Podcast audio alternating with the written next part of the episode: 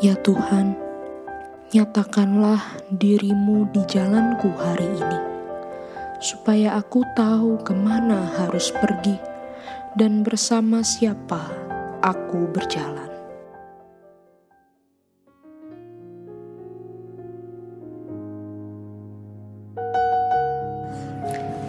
Halo teman-teman, khususnya Hosanna Youth dan Disciple of Truth. Jumpa lagi dalam podcast Jalan Sempit. Setapak demi setapak mengikut Yesus setiap hari. Minggu lalu kita sudah belajar tentang pribadi Allah. Minggu ini kita akan merenungkan secara khusus tentang pengenalan dan pengalaman kita bersama Allah. Sebagai orang Kristen, yang terpenting bukan hanya kita mengetahui banyak informasi tentang pribadi Allah, tetapi juga membangun hubungan dengan Allah. Kita perlu betul-betul mengalami bahwa Allah mengasihi kita Allah mempedulikan kita, Allah menyertai kita, dan kita pun belajar menunjukkan kasih kita kepada Allah. Mari kita tenangkan hati dan siapkan diri untuk mendengar sapaan Tuhan.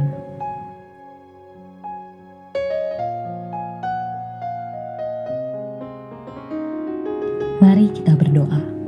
Tuhan, tolonglah aku untuk menyadari betapa dalamnya Engkau mencintai aku. Amin.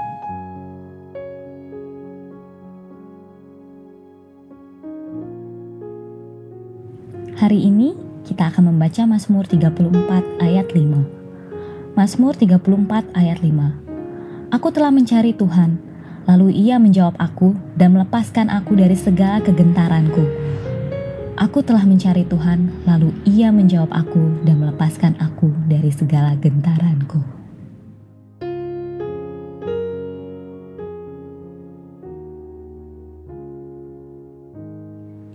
Teman-teman, tentu pernah mengalami tidak enaknya menjalani komunikasi satu arah.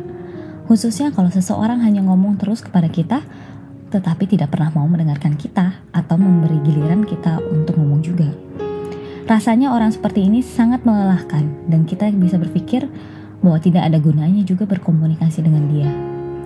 Sadar atau tidak, di dalam komunikasi kita dengan Allah, kita juga sering kali bersikap satu arah seperti itu. Kita ngomong terus tetapi tidak membiarkan Allah berbicara kepada kita. Lihat saja waktu-waktu kita berdoa. Apa yang terjadi ketika kita berdoa? Mungkin banyak dari kita yang hanya menganggap doa sebagai sebuah kewajiban untuk melaporkan kegiatan hari ini atau rencana besok kepada Allah. Atau ada juga yang mungkin menganggap doa sebagai daftar permintaan yang ingin disampaikan kepada Allah yang seolah-olah kita checklist kalau itu sudah didoakan. Ketika kita berdoa, Apakah kita benar-benar menyadari bahwa kita berbicara kepada seorang pribadi lain, yaitu Allah, sebagai lawan bicara? Allah juga ingin kita membangun komunikasi yang bersifat dua arah. Bukan hanya kita yang ngomong satu arah, tetapi kita juga membiarkan Allah menjawab kita. Doa adalah salah satu cara utama untuk bisa membangun kedekatan hubungan dengan Allah.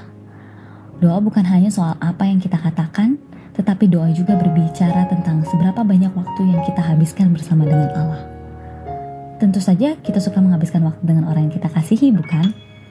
Bukankah kita bisa menikmati berjam-jam untuk main, nongkrong, atau jalan bersama-sama teman kita? Doa juga merupakan sarana untuk kita bisa menghabiskan waktu bersama Allah. Kadang, di dalam doa kita tidak harus selalu berbicara banyak. Tetapi, kita juga bisa belajar untuk merasakan kehadiran Tuhan, mendengarkan Tuhan, dan membiarkan kasihnya meresap di hati kita. Di dalam doa, kita bisa menemukan Allah sebagai pribadi dekat dengan kita, bahkan lebih dekat dari nafas kita. Di dalam doa, kita bisa mengalami Allah sebagai seorang yang mengenal kita dan mencintai kita, bahkan lebih dari kita mengenal dan mencintai diri kita sendiri. Doa dapat menjadi momen kita hanya beristirahat di hadapan Allah membiarkan diri kita merasakan seluruh kelelahan, beban, kekhawatiran, ataupun rasa sakit di dalam hati kita untuk diserahkan kepada Tuhan. Kemudian kita pelan-pelan merasakan kasih dan anugerah Tuhan yang melegakan dan memulihkan kita. Seorang bernama Franciscus dari Sales pernah berkata, Bawalah kembali hatimu yang tidak patuh itu dengan tenang.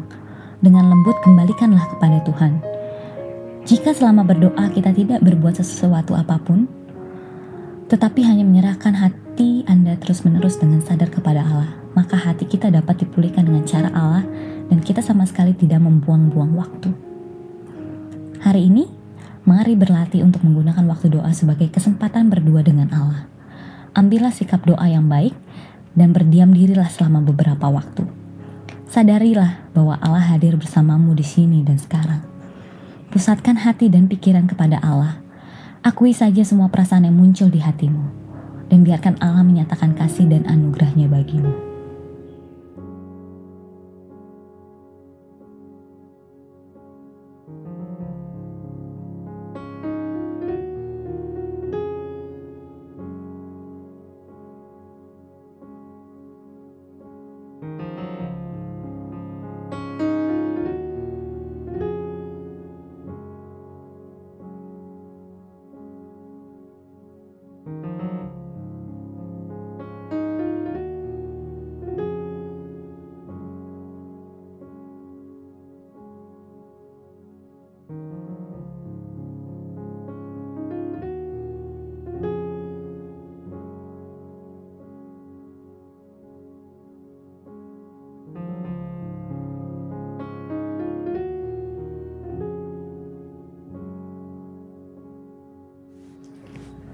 Aku telah mencari Tuhan, lalu Ia menjawab aku dan melepaskan aku dari segala kegentaranku.